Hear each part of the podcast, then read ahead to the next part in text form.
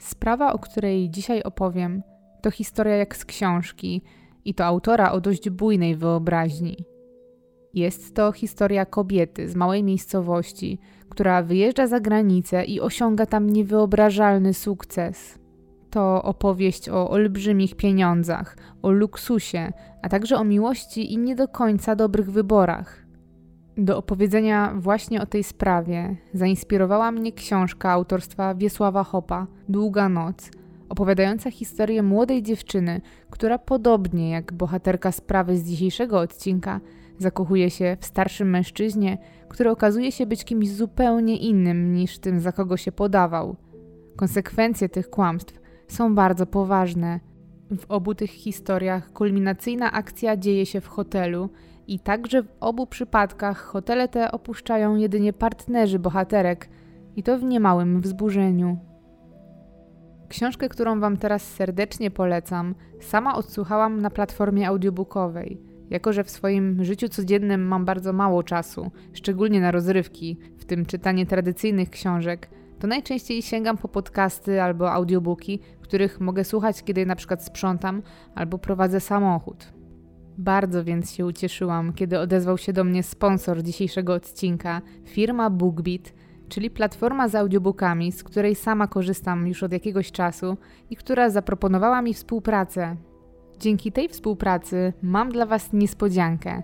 Od teraz sami możecie zapoznać się ze zbiorami z tej platformy i uzyskać dostęp do e-booków i audiobooków w pakiecie premium i to zupełnie za darmo. Wystarczy, że założycie tam konto, a podczas rejestracji użyjecie kodu HERING, który jest dedykowany właśnie Wam, moim słuchaczom. Ten kod sprawi, że otrzymacie darmowy dostęp do wszystkich audiobooków i e-booków z platformy BookBeat na aż 30 dni. Materiałów tam zawartych możecie słuchać zarówno online, jak i bez dostępu do internetu. A wszystkie książki dostępne w katalogu odsłuchacie za pomocą wygodnej i intuicyjnej aplikacji, którą należy zainstalować na swoim smartfonie lub tablecie. Dzięki temu swoje ulubione lektury będziecie mieli zawsze przy sobie. Szczerze Was zachęcam do skorzystania z kodu Herring i sprawdzenia, czy BookBeat okaże się inspirującym miejscem także dla Was. Oczywiście z subskrypcji możecie zrezygnować w każdym momencie, ale warto spróbować otworzyć się na nowe, zwłaszcza, że nic to nie kosztuje. Więcej informacji znajdziecie w opisie filmu.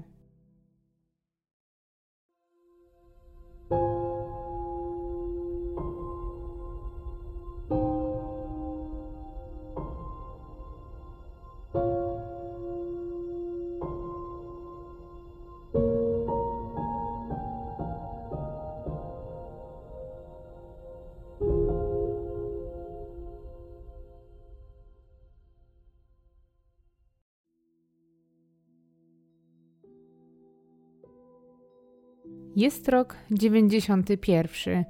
Kinga ma 18 lat. Jest bardzo wysoką i szczupłą blondynką. Jest też energiczna i konkretna, ale przy tym uprzejma i miła.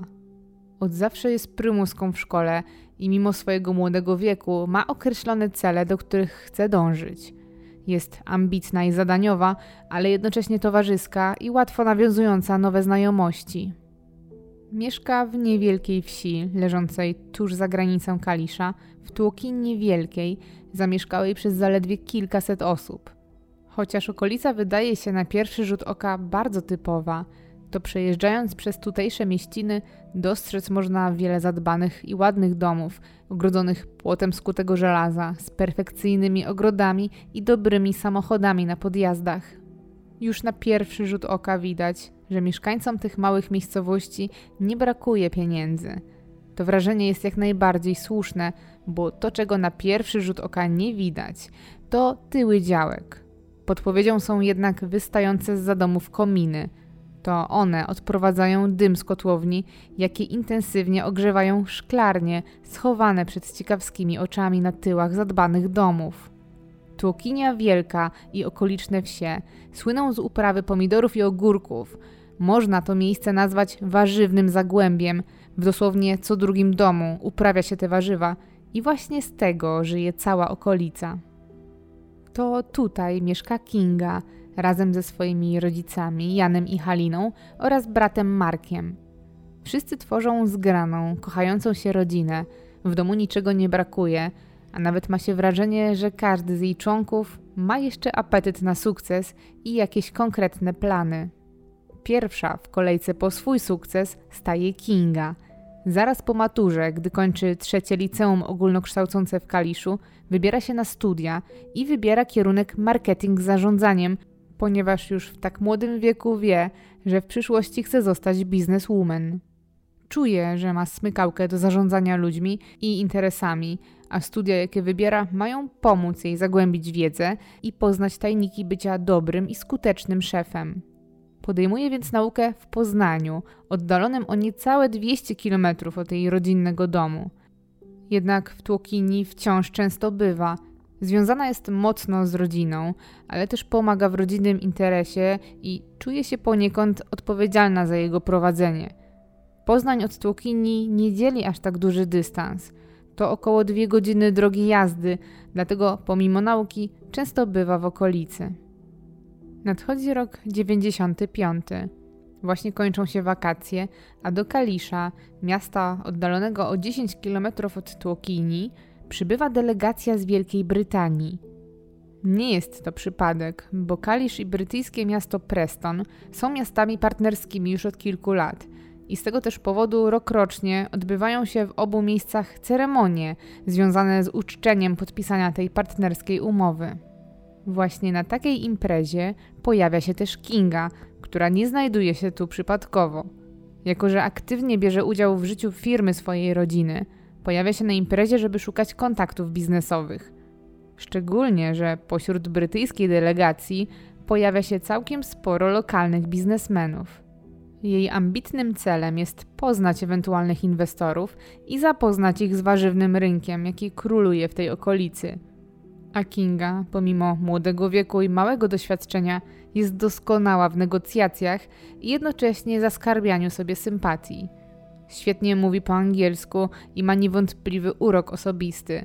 Jak więc na prawdziwy biznesowy umysł przystało, na tej niepozornej imprezie widzi potencjał, żeby wspomóc lokalną gospodarkę i rozkręcić interes swojej rodziny.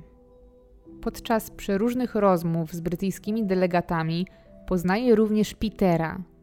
Peter to sporo starszy od niej brytyjski urzędnik wyższego szczebla, który pracuje w ratuszu partnerskiego miasta Preston i który został zaproszony na uroczystość jako członek lokalnego komitetu. Mężczyzna, mimo że starszy, to jest przystojny i niezwykle imponuje tej młodej dziewczynie swoim szarmanckim zachowaniem i nienagannymi manierami. Rozmawiają najpierw o biznesach, ale dość szybko ich rozmowa przechodzi na mniej formalne tematy. Kinga, pomimo że przybyła tu raczej zawodowo, to oczarowuje Petera swoją elokwencją, inteligencją i urodą, i co ciekawe, działa to też w drugą stronę. Nie ma wątpliwości, że między parą iskrzy i to od pierwszych chwil ich spotkania i resztę pobytu urzędnika w Polsce spędzają już razem. Jednak ich świeża znajomość zostaje szybko wystawiona na próbę – Peter jest w Polsce tylko na chwilę i zaraz wraca do Anglii, gdzie ma swoje obowiązki i gdzie toczy się jego codzienne życie. A trzeba też pamiętać, że to 95 rok. Nie ma mediów społecznościowych czy smartfonów. Para może kontaktować się ze sobą głównie za sprawą listów lub drogich, międzynarodowych połączeń telefonicznych. Ale tej dwójki absolutnie to nie zraża. Kontynuują swoją znajomość, wymieniając się regularnie korespondencją, a między tą parą rozwija się romans. Pomimo odległości, jaka ich dzieli, przez ponad pół roku wymieniają się romantycznymi listami i sporadycznie, na miarę oczywiście swoich możliwości, odwiedzają się wzajemnie. To, co trzyma Kingę w Polsce, to studia w Poznaniu, które już prawie kończy, a jako że jest bardzo obowiązkowa, to nie chciałaby ich przerywać z powodu romantycznych uniesień. Ale nadchodzi 96 rok. Kinga wreszcie broni tytułu magistra i to z doskonałym wynikiem i szybko, bo zaledwie 10 dni po obronie podejmuje przełomową decyzję w swoim życiu. Wylatuje do Anglii, do swojego ukochanego i to właśnie tam postanawia rozpocząć dalsze życie. Jako, że perfekcyjnie mówi po angielsku, a także po rosyjsku, widzi w tym okazję do rozpoczęcia nowego życia właśnie na wyspach – Planuje też dokształcić się tutaj pod kątem biznesowym. Kinga przeprowadza się więc do ukochanego, do hrabstwa Lancashire i razem zamieszkują w mieście Preston. Dość szybko para bierze też skromny ślub, na którym jest zaledwie 20 gości i młoda Polka od teraz staje się panią Leg.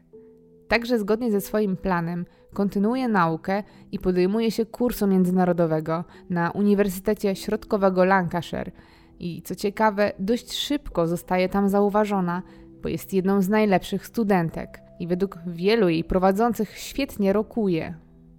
Z racji tego, że tak pozytywnie się wyróżnia, otrzymuje stypendium na naukę w Stanach Zjednoczonych, gdzie uczy się tego, co najbardziej ją interesuje i co ma posłużyć jej w przyszłości, czyli o najnowszych technologiach wykorzystywanych w uprawie warzyw.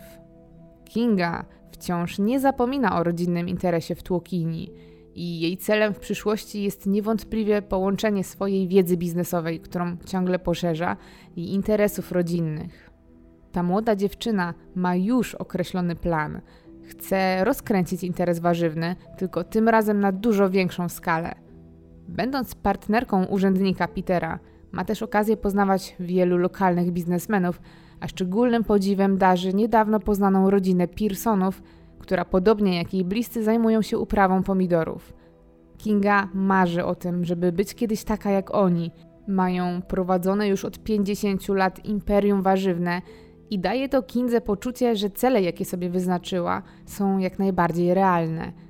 I chociaż w Polsce jej bliskim wiedzie się całkiem dobrze, mimo że nie zarabiają oczywiście takich majątków jak rodziny warzywnych potentatów, to nie mogą narzekać na brak pieniędzy – Rodzinna firma przynosi minimalne, jednak z roku na rok większe zyski, ale dla Kingi to wciąż za mało.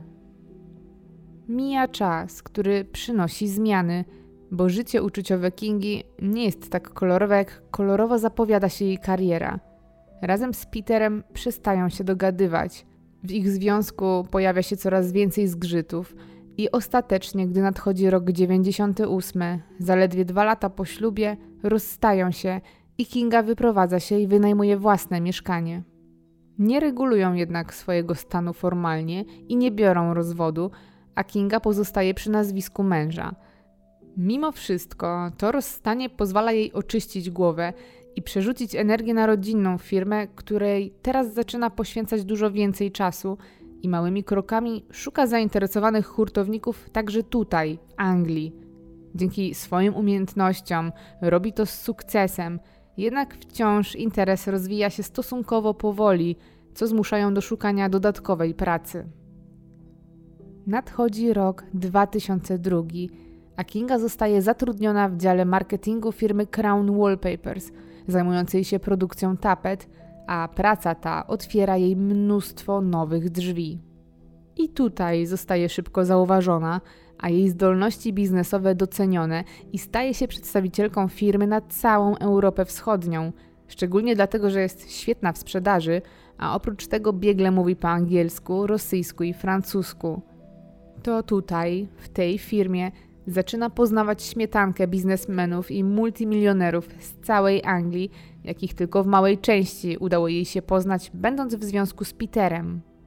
Teraz te nowe kontakty sprawiają, że jej apetyt na sukces rośnie, ale też pozwalają szybciej rozwijać warzywny interes, co sprawia, że młoda Polka zaczyna naprawdę dobrze zarabiać. Poznaje też Harego, lokalnego potentata nieruchomości, który dorobił się fortuny na sieci salonów fryzjerskich i przez jakiś czas są parą, ale i ten związek dość szybko się rozpada.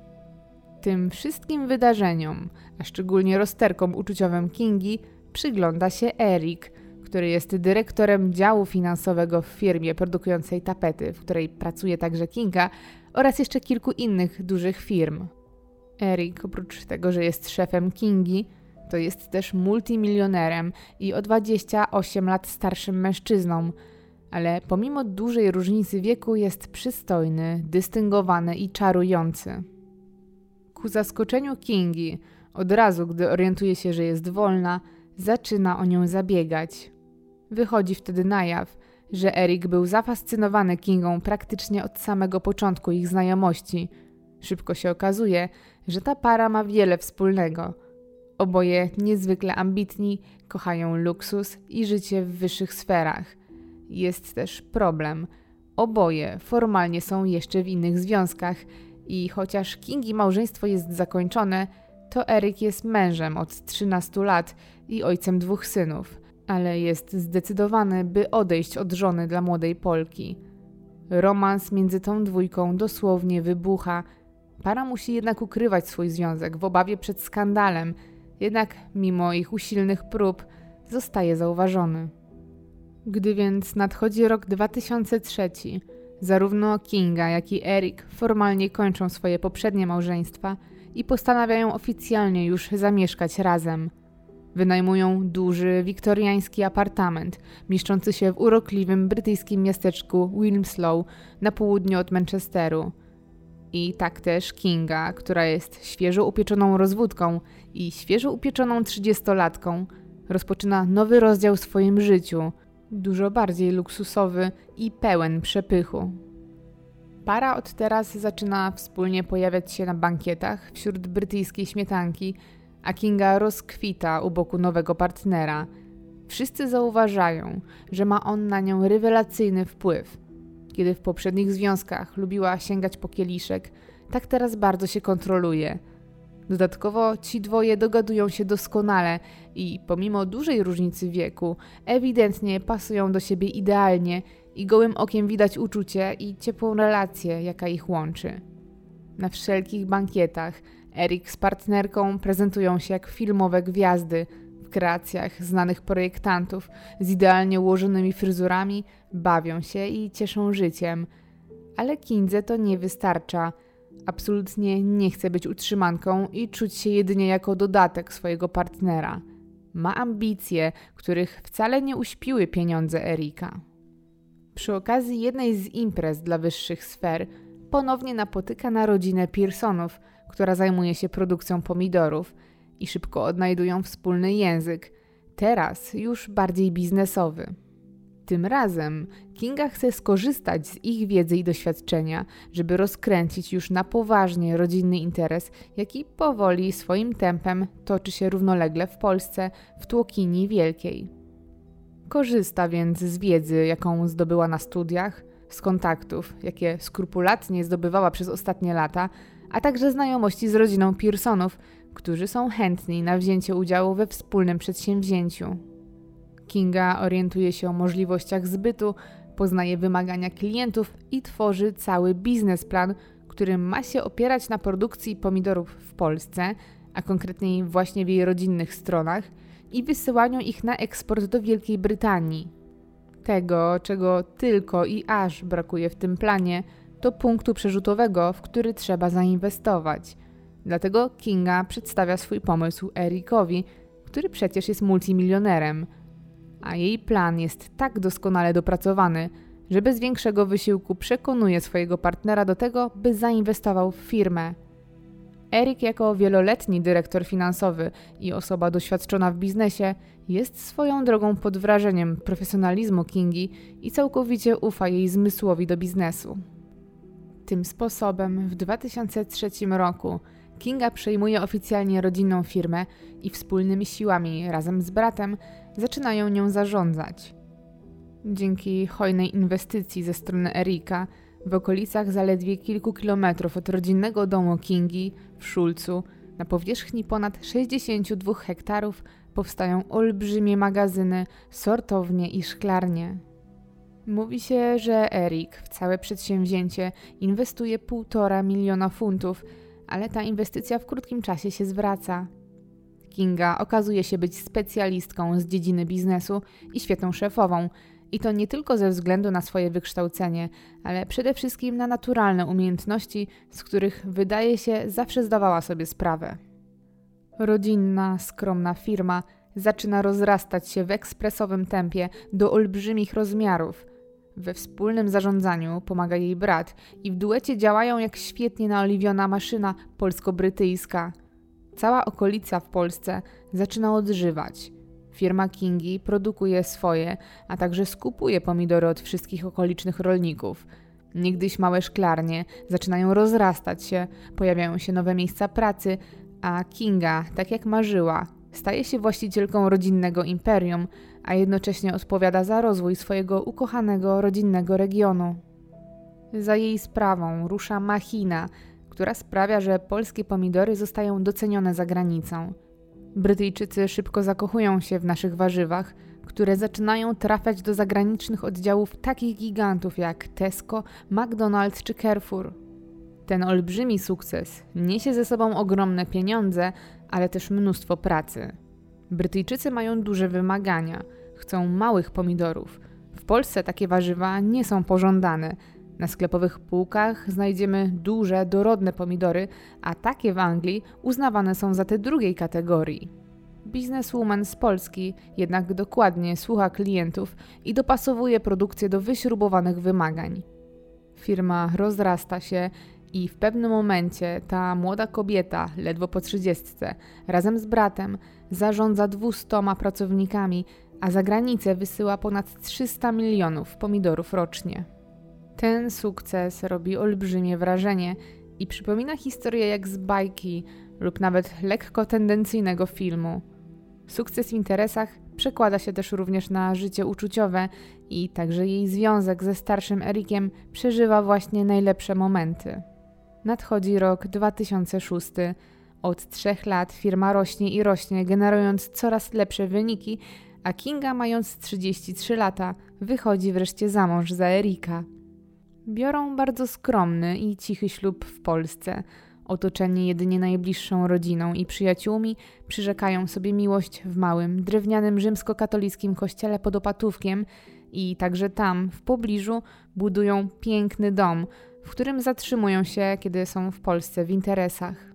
Wszystko zaczyna układać się w spójną całość. Miłość i pieniądze idą wreszcie w parze, a przyszłość tej dwójki rysuje się w kolorowych barwach.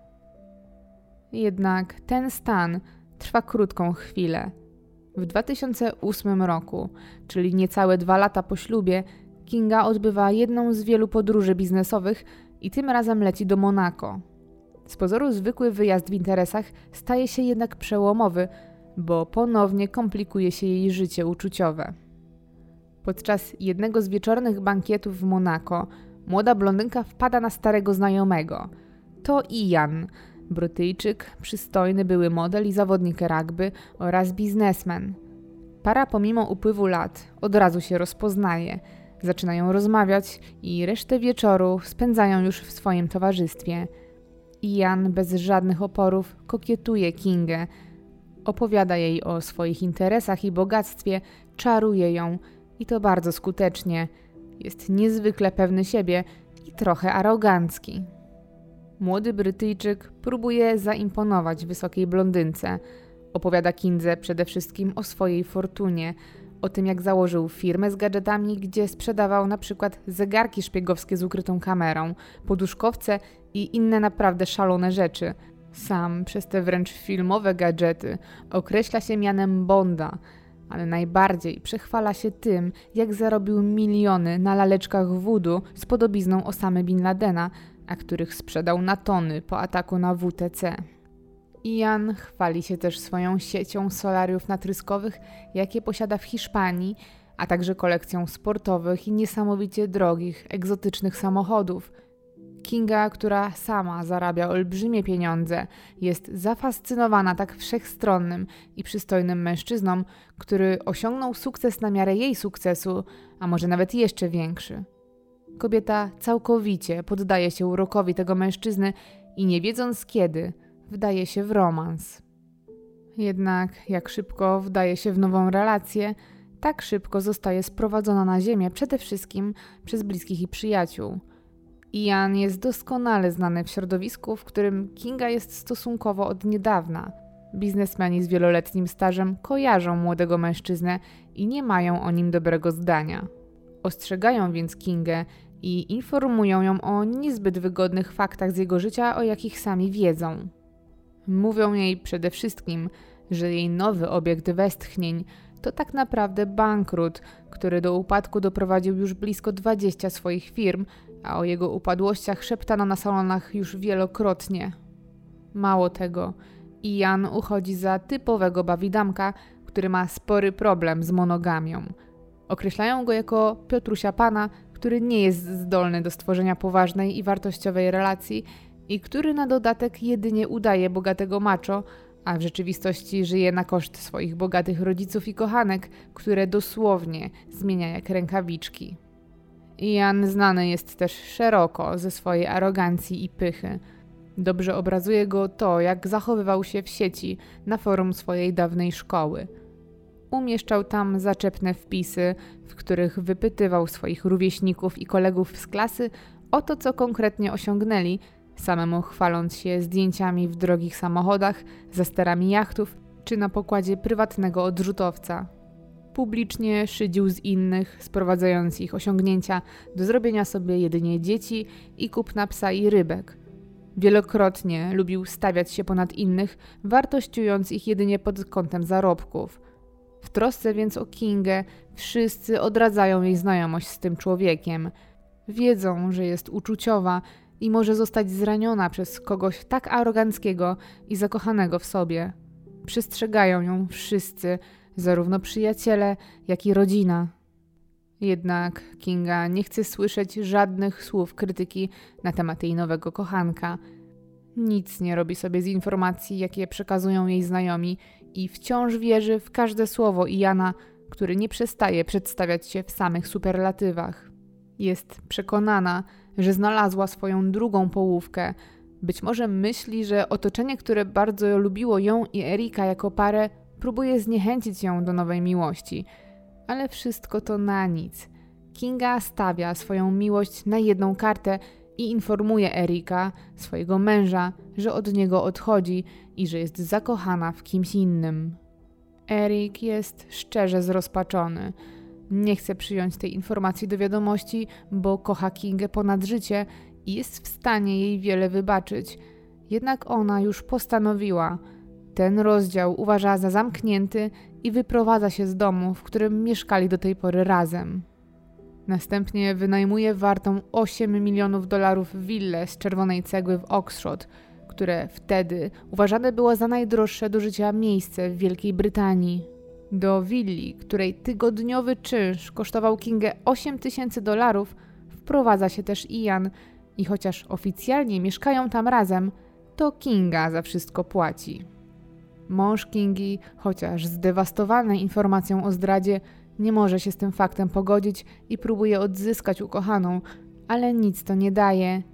Kinga zatraciła się już w szalonym i jak się okazuje burzliwym związku z Janem. Para świeżych kochanków zaczyna prowadzić wspólne, wystawne życie, a Kinga zarabia coraz więcej i coraz też więcej wydaje. Zaczyna spełniać swoje wszystkie zachcianki, ale też zachcianki kochanka. Szybkie samochody, najlepsze hotele, drogie ubrania i życie w luksusie trwa. I dopiero kiedy wydatki mnożą się w zastraszającym tempie, Kinga orientuje się, że za wszystko płaci sama.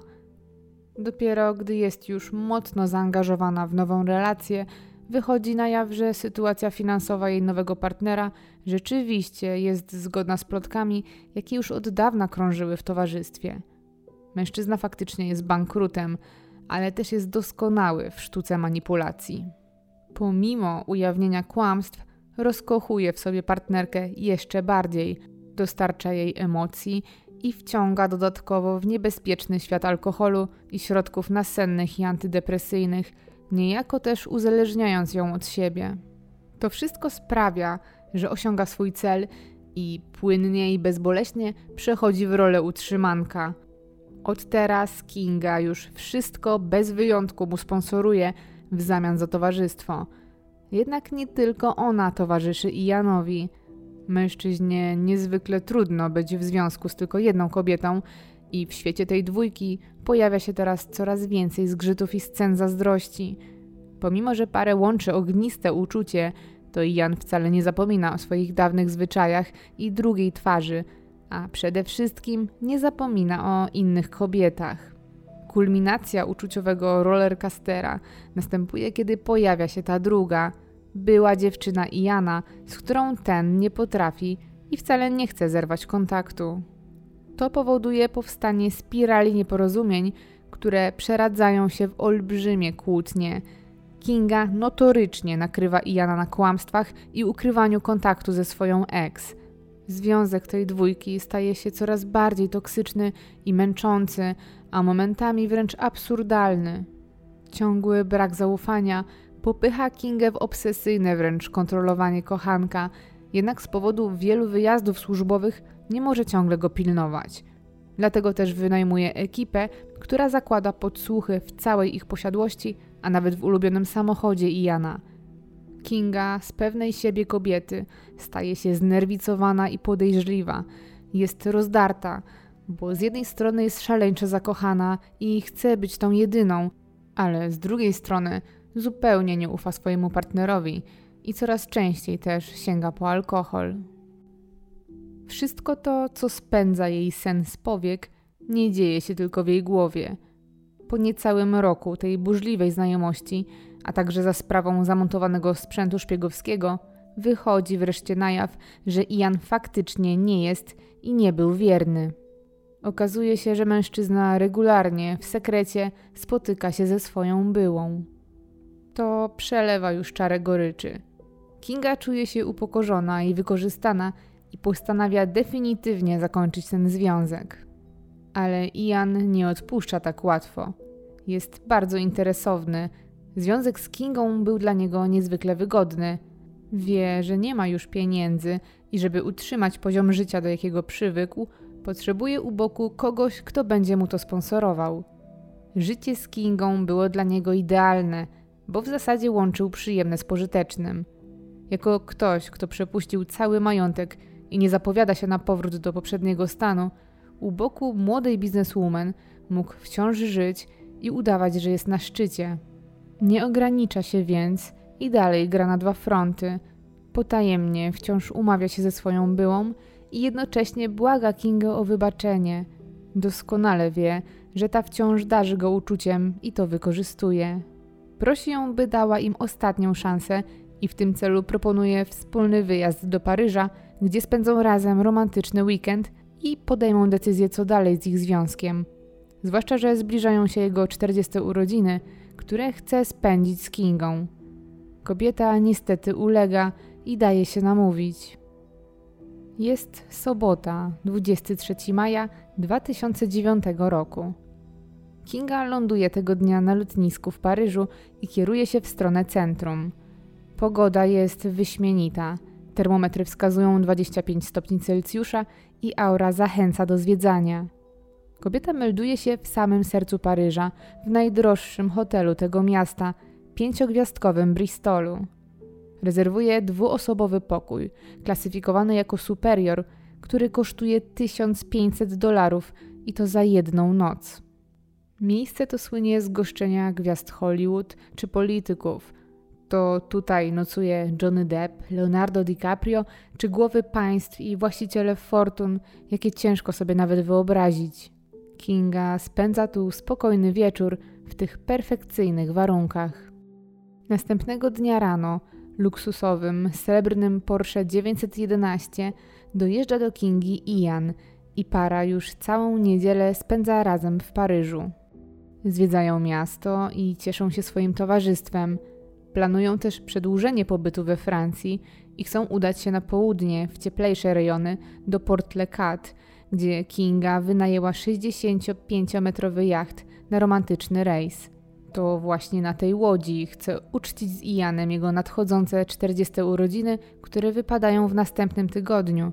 Wszystko wskazuje, że między parą znowu jest dobrze i że kryzys został zażegnany. Nadchodzi 25 maja. To poniedziałek. Kinga i Ian spędzają kolejny wspólny dzień w Paryżu, który postanawiają zakończyć w luksusowej restauracji, która mieści się nieopodal ich hotelu. Na miejscu jedzą kolację i popijają ją drogim szampanem. Wszystko wydaje się iść w dobrym kierunku, ale jednak coś wisi w powietrzu. Między kochankami dochodzi do sprzeczki. Zaczyna się od lekko podniesionych głosów, także osoby, które siedzą przy stolikach obok, zwracają na nich uwagę, ale ostatecznie głośniejsza rozmowa przeradza się w solidną kłótnię. Kinga nie szczędzi ostrych słów. Zupełnie nie przejmuje się, że dookoła są obcy ludzie, którzy teraz z zaintrygowaniem na nich patrzą. Para jest głośna i zwraca uwagę szczególnie, że kłócą się o swoje sprawy łóżkowe. Pewnym momencie Ian, już całkowicie wyprowadzony z równowagi, wstaje od stołu i rzuca kieliszkiem przez całą salę, który ostatecznie rozbija się w drobny mak. Po tym ostrym geście wychodzi z restauracji. Kinga wykrzykuje jeszcze ostatnie słowa w plecy odchodzącego kochanka, ale on zachowuje się, jakby już tego nie słyszał. Gdy mężczyzna znika za rogiem, Kinga momentalnie się uspokaja. Dopija butelkę szampana, kończy jeść i dopiero po godzinie wychodzi z restauracji. Następnie kieruje się do pokoju hotelowego, do którego już wcześniej wrócił Ian. Co dzieje się za drzwiami apartamentu, nie wie nikt. Jedno jest pewne: obsługa co chwilę zaopatrza gości w kolejne butelki drogich trunków, jakie zamawiają, a rachunek rośnie i rośnie. Najwyraźniej para już w hotelu znalazła jednak wspólny język. Nadchodzi kolejny dzień. To wtorek, 26 maja. Rano w hotelowej recepcji pojawia się Ian. Na wyraźnym kacu i niemrawy przedłuża pobyt w hotelu o dwa kolejne dni i z góry opłaca rachunek. Prosi też obsługę, żeby pod żadnym pozorem nie przeszkadzać jego partnerce, ponieważ ta źle się czuje i chce odpocząć. Następnie wraca do pokoju. Po jakimś czasie na recepcji rozbrzmiewa telefon. To ponownie Ian przypomina obsłudze, żeby nie wysyłać do ich pokoju pokojówki, w razie czego wywiesza dodatkowo kartkę na drzwiach, by nie przeszkadzać. Po krótkiej chwili ponownie schodzi do lobby, wypija kawę i prosi o przyprowadzenie swojego samochodu z podziemnego parkingu pod drzwi hotelu. Obsługa, zgodnie z jego prośbą, podjeżdża drogim Porsche i o 16 wyraźnie zmęczony, ale też spokojny Ian wsiada do auta i odjeżdża. Mijają godziny, a mężczyzna nie wraca, a na mosiężnej złotej klamce do apartamentu 503 wciąż wisi kartka, by nie przeszkadzać. Mimo tego pokojówka z przygotowaną świeżą pościelą i świeżymi ręcznikami puka do drzwi, jednak nikt jej nie otwiera. Informuje o tym fakcie recepcję, która z kolei dzwoni na telefon będący w apartamencie, ale i jego nikt nie odbiera. Po jakimś czasie obsługa ponownie próbuje skontaktować się z gośćmi apartamentu i puka do pokoju, ale znowu bez odzewu. Mijają kolejne godziny. Nastaje już wieczór, a na recepcji hotelu Bristol rozbrzmiewa telefon. Tym razem to Marek, brat Kingi, dzwoni z Polski i prosi obsługę, by ta zajrzała do pokoju siostry, ponieważ nie może się z nią od dawna skontaktować. Od samego rana dzwoni na jej telefon komórkowy, ale ta nie odbiera. Obsługa przypomina sobie także, że współlokator Kingi wyjechał z hotelu już kilka godzin temu, a mimo to kartka na klamce niezmiennie wisi, jakby w środku nikogo nie było. Personel przeszkolony jest, by w takich niepewnych sytuacjach dyskretnie zajrzeć do środka i nie zważać na prośbę o nieprzeszkadzanie. Tak też się dzieje i w tym przypadku, i o 20 na piąte piętro udaje się kierownik i pokojówka. Otwierają drzwi i już od progu są przerażeni tym, co widzą. Apartament jest całkowicie zdewastowany. Połamane są antyczne krzesła, zbity jest telewizor. W niektórych miejscach nawet zdrapane są tapety, a ciężkie zasłony zerwane są z karniszy. Na ziemi nawet leży obraz w ciężkiej złotej ramie. Wszystko jest w nieładzie. Chociaż ma się wrażenie, że ktoś nieudolnie jednak próbował to miejsce doprowadzić do ładu. Jednak to, co obsługę przeraża najbardziej, to ciemne plamy na beżowej wykładzinie, które ciągną się od ściany do ściany i widoczne są nawet na tapecie. To wszystko sprawia, że cały pokój przypomina miejsce jak z horroru, który daleko odbiega od stanu, w jakim zwykle goście oddają go obsłudze. Kierownik i pokojówka nie widzą jednak nikogo w środku. Wchodzą więc głębiej i zauważają, że drzwi do olbrzymiej beżowej łazienki są uchylone. Zaglądają do środka, a to, co tam widzą, zapamiętają już do końca życia. Pustej wannie znajduje się naga blondynka. Nie rusza się i jest blada i zimna. Jej głowa opada do przodu, a ramiona skulone są w stronę klatki piersiowej. To Kinga. Nie żyje już od wielu godzin. Przerażony personel natychmiast wzywa policję. Na miejscu pojawiają się służby, które próbują dowiedzieć się, co się tutaj wydarzyło. Funkcjonariusze i policyjni patolodzy dokonują oględzin i stwierdzają liczne siniaki i otarcia, szczególnie na twarzy i głowie, ale na pierwszy rzut oka nie wyglądają one na śmiertelne. Debatują, czy może była to próba samobójcza, zwłaszcza że wokół leży pełno pustych butelek po alkoholu, a także puste opakowanie tabletek nasennych. Żeby rozwiązać zagadkę, w pierwszej kolejności przesłuchany zostaje personel. Śledczy dowiadują się, kim była ofiara i że nie była w pokoju sama, a że jej towarzysz opuścił hotel kilka godzin wcześniej. Co ciekawe, nikt nic nie słyszał ani nie widział, co sprawia, że śledczy są w głębokim szoku, widząc w jakim stanie znajduje się apartament. Dziwią się, że nikt nie zwrócił uwagi na hałasy, jakie musiały wydobywać się z pokoju podczas tej demolki. Jednak jest na to proste rozwiązanie. Apartamenty w tym hotelu celowo są wygłuszane, by zapewnić jak największy komfort i intymność jego gościom. Po oględzinach ciało Kingi zostaje zabrane do zakładu medycyny sądowej, gdzie biegli stwierdzają, że do śmierci kobiety na pewno przyczynił się ktoś trzeci i że z całą pewnością nie było to samobójstwo. Na jej ciele odnotowują blisko setkę siniaków, a najwięcej śladów przemocy znajduje się w okolicach klatki piersiowej, głowy i szyi. Eksperci wykazują, że zmarła na skutek krwotoku wewnętrznego, który spowodowany był gwałtownym uderzeniem w głowę, szyję i plecy. Kinga uderzona była najprawdopodobniej ciężkim przedmiotem, a biegli typują, że posłużyła do tego ozdobna, pozłacana lampa stojąca, która znajdowała się w pokoju.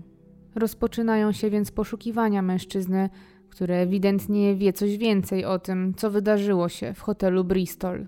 Policja domyśla się, że opuszczenie hotelu nie jest zwykłym wyjazdem, a ucieczką. Momentalnie zaczynają kontrolować drogi i granice, jednak zdają sobie sprawę, że ze względu na otwarte przejścia graniczne, upływ czasu i to, że podejrzany porusza się bardzo szybkim samochodem, sprawia, że może być już w zasadzie wszędzie. Mimo wszystko próbują, kierują też swoje kroki w stronę wody, bo zachodzi podejrzenie, że Ian może chcieć uciec także drogą morską, na przykład za pomocą wynajętego przez Kingę jachtu. W sprawę włącza się nawet Interpol, a cała francuska policja zostaje zapoznana ze zdjęciem poszukiwanego. Sprawa śmierci Kingi, bogatej i wpływowej bizneswoman, robi się niezwykle głośna. Pod hotelem pojawiają się pierwsi dziennikarze, którzy dostają przeciek za przeciekiem i jak fala tsunami, informacja o śmierci w najdroższym hotelu obiega media, które liczą na sensację. Zanim jeszcze ktokolwiek ze śledczych wie, co tak naprawdę zaszło, to w gazetach już pojawiają się przeróżne spekulacje. Dziennikarze czekają cierpliwie, wyczuwając skandal i świetny temat na materiał, a sprawa jest o tyle gorąca, bo międzynarodowa i teraz na ręce francuskiej policji patrzą miliony ciekawskich oczu, a presja z każdym kolejnym artykułem rośnie. Jednak pomimo postawienia na równe nogi policji w całej Francji, podejrzany o morderstwo Kingi dosłownie rozpływa się w powietrzu. Nadchodzi 27 maja. To środa i zaledwie jeden dzień po odnalezieniu Kingi, kiedy to pojawia się pierwszy trop, a prowadzi on do Wielkiej Brytanii. Okazuje się, że Ian z Paryża dojechał do aż oddalonego o 500 km Shepperton, niedaleko Londynu, gdzie zacumowano miał swoją motorówkę. Jak się okazuje, chciał wyruszyć nią w morze, jednak nie była do tego przygotowana. Kiedy nie udało mu się skorzystać ze swojego sprzętu, próbował wynająć lub nawet kupić małą łódź na miejscu, ale nie było żadnej na wynajem, a zakup takiego dobra i związana z tym papierologia trwa minimum kilka dni. Ian musiał więc zmienić plany. Kupił od właściciela wypożyczalni system nawigacji satelitarnej oraz płyty CD z brytyjskimi i europejskimi mapami satelitarnymi i odjechał swoim srebrnym Porsche. Tego samego dnia wieczorem policjanci znajdują jego porzucony samochód 300 km dalej, niedaleko domu jego rodziców, aż 5 godzin jazdy od miejsca, w którym ostatnio był widziany. Jednak tutaj ślad się urywa. Mijają dwa dni i dopiero 29 maja, w piątek, pojawia się kolejny trop. Tym razem ktoś użył karty kredytowej Kingi i za jej pomocą wypłacił z bankomatu znaczną sumę pieniędzy. Także tego dnia na policję zgłasza się była dziewczyna mężczyzny, która zeznaje, że uciekinier do niej zadzwonił. W rozmowie telefonicznej zarzekał się, że to on został zaatakowany przez Kingę i że jej śmierć była wypadkiem. Na dowód swoich słów wysłał nawet kochance zdjęcia swojej poobijanej twarzy. Policja bardzo szybko namierza skąd wykonane zostało połączenie oraz z którego bankomatu wypłacono gotówkę i okazuje się, że Ian musi być wciąż w niedalekiej okolicy rodzinnego domu. I pomimo, że policjanci zakładają, że bez samochodu mężczyzna porusza się zapewne pieszo, to poszukiwania nie przynoszą efektu. Nadchodzi 1 czerwca. To już tydzień, od kiedy podejrzany o morderstwo mężczyzna jest nieuchwytny, ale właśnie dzisiaj na policję zaczynają spływać informacje od kilku różnych osób, że Ian był widziany w okolicach lasów Macclesfield w Cheshire, niecałe 50 kilometrów od jego rodzinnego domu. Świadkowie, którzy go widzieli, zeznali, że był nieogolony, brudny i zaniedbany. Jeden z informatorów był bardziej szczegółowy i wskazał, że mężczyzna pasujący do rysopisu pomieszkuje w okolicznym lesie. To wszystko nie wydawało się być więc przypadkowe. Następnego dnia, 2 czerwca 2009 roku, dziesiątki policjantów razem z pomocą przewodników z psami tropiącymi ruszają we wskazany las. Po krótkim czasie, około godziny 15.30, odnajdują rozbity namiot, a w nim poszukiwanego Iana Griffina. Mężczyzna leży na ziemi, zwinięty w kłębek, na przygubach rąk ma ślady po cięciu, a obok leży wisielcza pętla – nie reaguje, jest brudny, poobijany, ale z całą pewnością żywy. Najwyraźniej chciał popełnić tu samobójstwo, jednak mu się to nie udało. Medycy przybyli na miejsce, określają jego stan jako stabilny, ale w głębokiej depresji. Jego ucieczka dobiegła właśnie końca. Mężczyzna zostaje schwytany przez brytyjską policję na podstawie międzynarodowego nakazu zatrzymania. Funkcjonariusze zakuwają go w kajdanki i osadzają w więzieniu Wandsworth. Jednak do zbrodni, o jaką jest podejrzewany, doszło przecież we Francji i to francuski wymiar sprawiedliwości chce mężczyznę osądzić. Jednak Ian od razu po schwytaniu zostaje objęty świetną opieką prawną, a jego przedstawiciele robią wszystko, co w ich mocy, żeby mężczyzny nie wydać poza granice kraju. A paradoksalnie, Pomaga im w tym kiepski stan psychiczny Iana, który w piśmie wysłanym do sądu potwierdza m.in. więzienny lekarz psychiatra. Dwa tygodnie później, 17 czerwca, w tłokini kościelnej odbywa się pogrzeb Kingi, na którym pojawia się tłum zrozpaczonych ludzi. Przybywa ponad tysiąc osób, bliscy i znajomi, współpracownicy i inne wdzięczne osoby, na których drodze stanęła Kinga. Wszyscy wspominają ją jako radosną, dobrą osobę, która absolutnie nie zasłużyła na taki los. Teraz, gdy rodzina pożegnała ukochaną, chce doczekać sprawiedliwego wyroku dla osoby odpowiedzialnej za odebranie im Kingi. Jednak jeszcze nie wiedzą, ile rozczarowań czeka ich w tej kwestii. Okazuje się bowiem, że kiepski stan psychiczny Iana i jego próby samobójcze nie pozwalają na to, by mógł stanąć przed sądem, ani tym bardziej, by został oddany w ręce Francuzów. Ta słaba kondycja psychofizyczna sprawia, że dość szybko zostaje przeniesiony z więzienia do więziennego szpitala, a ostatecznie do prywatnej placówki medycznej niezwiązanej z więziennictwem. Jego warunki bytowe zupełnie przestają przypominać warunki, w jakich przebywają osoby odpowiedzialne za czyn, o jaki jest podejrzewany. To wszystko sprawia, że media szaleją na punkcie tej niecodziennej sprawy. Francuskie, jak i brytyjskie tabloidy rozpisują się na temat tego, co wydarzyło się w Paryżu. Opisują Kinga jako kopciuszka lub królową pomidorów, która straciła życie z rąk bogatego kochanka.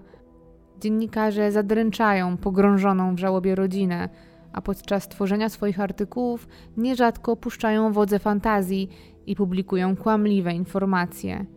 Pojawia się cała masa plotek, które podsyca ciekawość i które sieją dezinformację, i wcale nie zanosi się, żeby sprawa miała ucichnąć.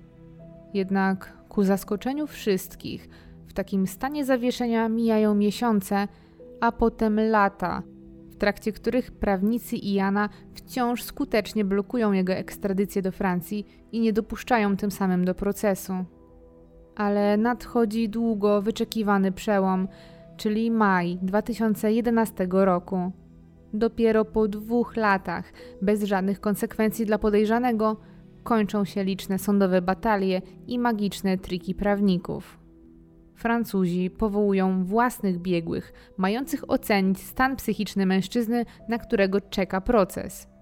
Ci jednoznacznie stwierdzają, że Ian jest zdrowy i jak najbardziej zdolny do tego, by stanąć przed sądem. Pomimo niezadowolenia Brytyjczyków, zostaje wreszcie wydany Francuzom, co daje nadzieję na to, że w końcu poniesie konsekwencje swojego czynu. Młody Brytyjczyk zostaje przekazany francuskim organom ścigania, a do czasu procesu zostaje osadzony w owianym złą sławą więzieniu Francais. Jest to ponure miejsce o zaostrzonym rygorze, a więzienie to słynie z wysokiego odsetka samobójstw popełnianych wśród więźniów. Panuje tam spora samowolka, a akty przemocy to tutaj norma. Ian jest przerażony wizją trafienia właśnie tam – Szczególnie, że przez ostatnie dwa lata wiódł całkiem normalne życie i zdaje się, że wręcz zapomniał, jakie ciężkie zarzuty na nim ciążą. Jednak ponownie sztab jego prawników wychodzi z siebie, żeby ocalić klienta i pod pretekstem kiepskiego stanu zdrowia, o którego pogorszenie zresztą oskarżają więziennego lekarza, wyciągają Iana na wolność. Doprowadzają do sytuacji, w której podejrzany, a zaraz oskarżony, nie musi czekać na proces w więzieniu. Może ten czas spędzić w dowolnym miejscu na terenie Francji. I Jan oczywiście z tego korzysta. Zaraz po wyjściu z więzienia wynajmuje apartament w luksusowym hotelu w Paryżu, gdzie czeka na swój proces. Sprowadza też do siebie byłą dziewczynę i nie stroni od mediów, które ponownie zaczynają interesować się tą głośną sprawą sprzed już kilku lat. Były biznesmen ochoczo udziela wywiadów, w których żali się na ciężkie warunki, jakie spotkały go w najcięższym francuskim więzieniu. Opowiada, że musiał mieszkać w celi z mordercą, a szparę pod drzwiami do celi musiał zakrywać swoimi ubraniami, żeby ochronić się przed wtargnięciem szczurów. Wyznaje też dziennikarzom, że jego stan zdrowia jest bardzo kiepski, że wylądował w szpitalu więziennym w stanie śpiączki – Deklaruje też publicznie, że nie ma zamiaru próbować uciekać, że postanawia zostać we Francji i oczyścić swoje dobre imię i udowodnić przed sądem, że jest niewinny. Nie powstrzymuje się też od komentarzy, że wyjście na wolność było cudowną nagrodą, którą uczcił szampanem, a teraz, razem ze swoją już narzeczoną, planują założyć rodzinę tutaj, we Francji, w państwie, do którego wcale nie ma żalu. Jednak na pytania o Kingę i o tragiczną noc nie chce odpowiadać. Utrzymuje tylko, że jest niewinny, żali się, że ta sytuacja zniszczyła jego życie i jedyne o czym chce mówić światu to o swoim szczęściu i o swojej niewinności. To już kolejny raz, kiedy mężczyźnie się upieka. Zgodnie z obietnicą pozostaje we Francji. Wynajmuje piękny apartament na południu kraju, gdzie już ze swoją nienarzeczoną, a żoną zaszywają się na francuskiej prowincji z dala od ciekawskich oczu i mediów. W takim stanie zawieszenia, ale znowu bez większych konsekwencji, Ian oczekuje na swój pierwszy proces. Jest 1 grudnia 2014 roku.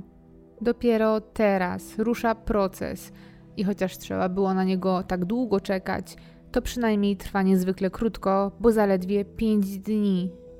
Na sali rozpraw Ian pojawia się ze swoją żoną i teraz już mamą jego synka. Przychodzi o kulach, przedstawia swoje problemy neurologiczne i żali się na swoje zdrowie, które, jak twierdzi, zostało zdewastowane przez więziennego lekarza, który źle podał leki i uszkodził mu nerwy. Nie przyznaje się też oczywiście do winy i twierdzi, że to Kinga była agresorem i że to ona jego zaatakowała i zdemolowała pokój, gdy oznajmił jej, że chce odejść. Opowiada, że kiedy tylko kobieta wróciła do ich wspólnego pokoju, zaczęli spożywać duże ilości alkoholu, ale dość szybko wywiązała się między nimi sprzeczka. Jan twierdzi, że to Kinga rzuciła się na niego z pięściami i potraktowała paralizatorem w kształcie szminki, a następnie w furii zaczęła demolować pokój, w trakcie czego przewróciła się i uderzyła głową prawdopodobnie o stolik kawowy. Po jakimś jednak czasie uspokoiła się, a Jan poszedł wziąć kąpiel i położył się spać. Jego główną linią obrony jest niepamięć. Mężczyzna zeznaje, że gdy obudził się rano, kobieta już nie żyła, ale on nie miał pojęcia, jak do tego doszło. Twierdzi, że gdy poszedł spać, Kinga, chociaż pijana, to na pewno była cała i zdrowa. On i jego obrońcy sugerują, że to w trakcie kłótni, kiedy Kinga uderzyła głową o jakiś mebel, doznała poważnego urazu, który w konsekwencji doprowadził później do jej śmierci. Obrona opiera się także na badaniach toksykologicznych, które to wykazały, że w organizmie Kingi oprócz alkoholu znajdowały się też ślady różnych leków, w tym polski specyfik przeciwzakrzepowy, który wpływa na rozrzedzenie krwi. To właśnie to, według nich, było wytłumaczeniem dla tak silnego i trudnego do opanowania krwotoku, w efekcie którego nastąpił zgon. Były biznesmen wytłumaczył, że gdy rano zobaczył zimną Kingę, nie wiedział, co ma zrobić. Chciał ją ogrzać i włożył ją do wanny z gorącą wodą. Także na to, dlaczego uciekał, ma wytłumaczenie. Twierdzi, że po prostu spanikował i się oddalił. Jednak prokuratura przedstawia wiele dowodów, które nie pasują do wersji oskarżonego.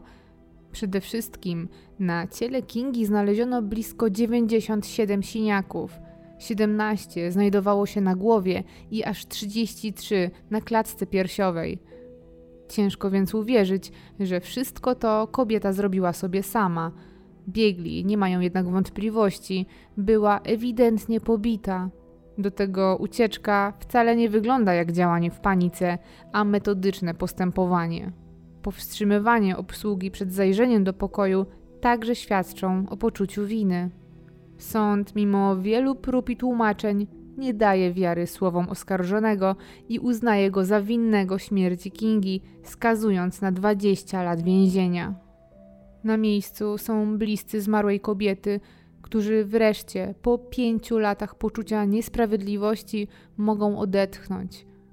Ostatnie lata sprawiły, że zaczęli wątpić w to, czy mężczyzna kiedykolwiek odpowie za odebranie życia ich ukochanej córce i siostrze – Ostatecznie są zadowoleni z wyroku i czują, że wreszcie będą mogli ruszyć dalej. Jan i jego prawnicy nie zgadzają się jednak z decyzją sądu. Mężczyzna twierdzi, że nigdy nie zrobiłby krzywdy Kindze, którą, jak wyznaje, bardzo kochał. Twierdzi, że nic nie pamięta z tamtej nocy, ale też jest pewien, że nie byłby zdolny do tak okrutnego czynu.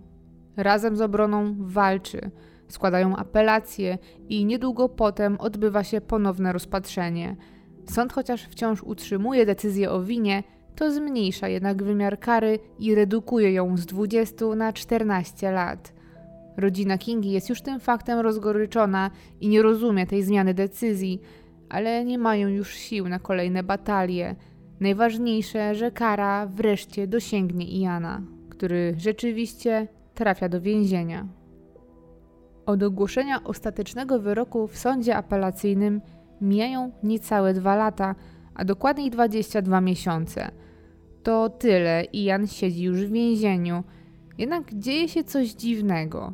Wokół sprawy Kingi ponownie robi się głośno, a rodzina zamordowanej Polki, która już powoli przeszła do normalności i zamknęła za sobą ten trudny rozdział, zostaje nagle zasypana telefonami od dziennikarzy.